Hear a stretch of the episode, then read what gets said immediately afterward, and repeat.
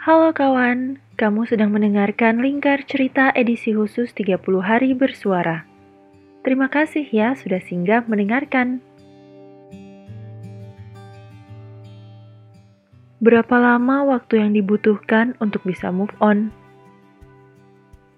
Banyak artikel yang menyebutkan beberapa alternatif waktu yang bisa dijadikan patokan untuk bisa melupakan suatu hubungan yang berakhir.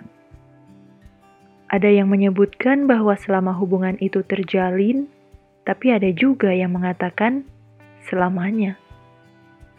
Namun, ada satu artikel yang pernah saya baca dari situs Oprah Mag bahwa yang paling penting sebenarnya saat berusaha untuk move on adalah mengizinkan diri sendiri untuk bersedih. Maka, dengan begitu, proses move on akan lebih cepat untuk dilalui. Karena banyak ternyata orang-orang yang berusaha menyembunyikan perasaannya ketika mengakhiri suatu hubungan. Hal ini tidak terbatas pada hubungan romantis antar manusia ya. Bisa juga hubungan pekerjaan atau pertemanan.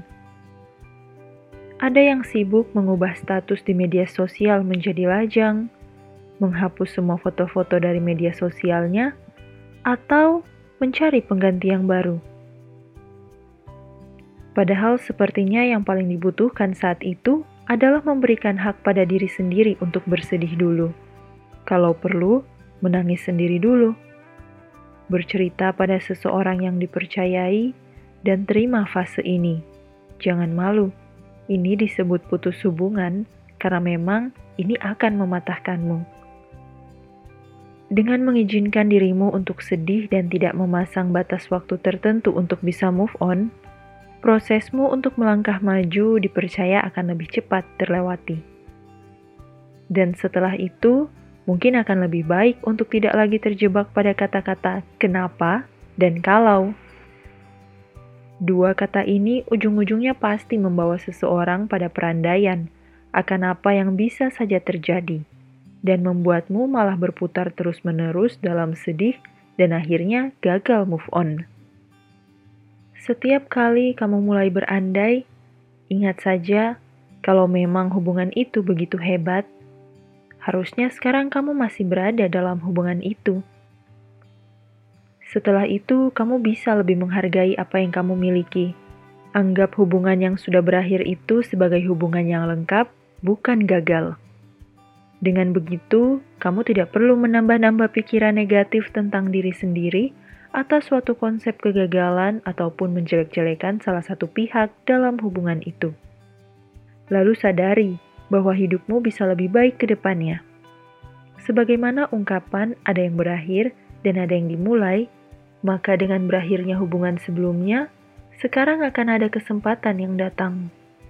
Beri kesempatan pada dirimu untuk fokus melakukan hal-hal yang kamu inginkan untuk dirimu lakukan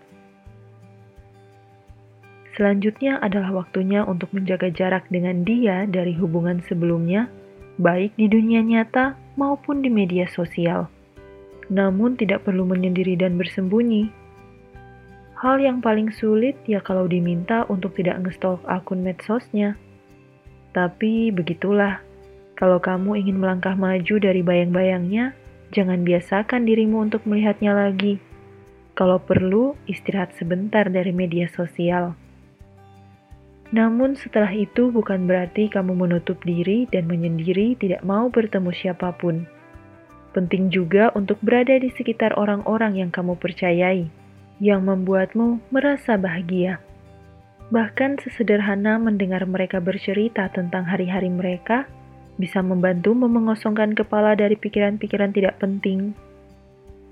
Jadi, berapa lama waktu yang dibutuhkan untuk bisa move on? Mungkin jawabannya bisa diukur dari seberapa besar usahamu untuk menerima kondisi dirimu saat ini. Jika kamu sedang berada dalam proses move on, semangat ya! Sedikit lagi kamu sudah melangkah meninggalkan persimpangan ini.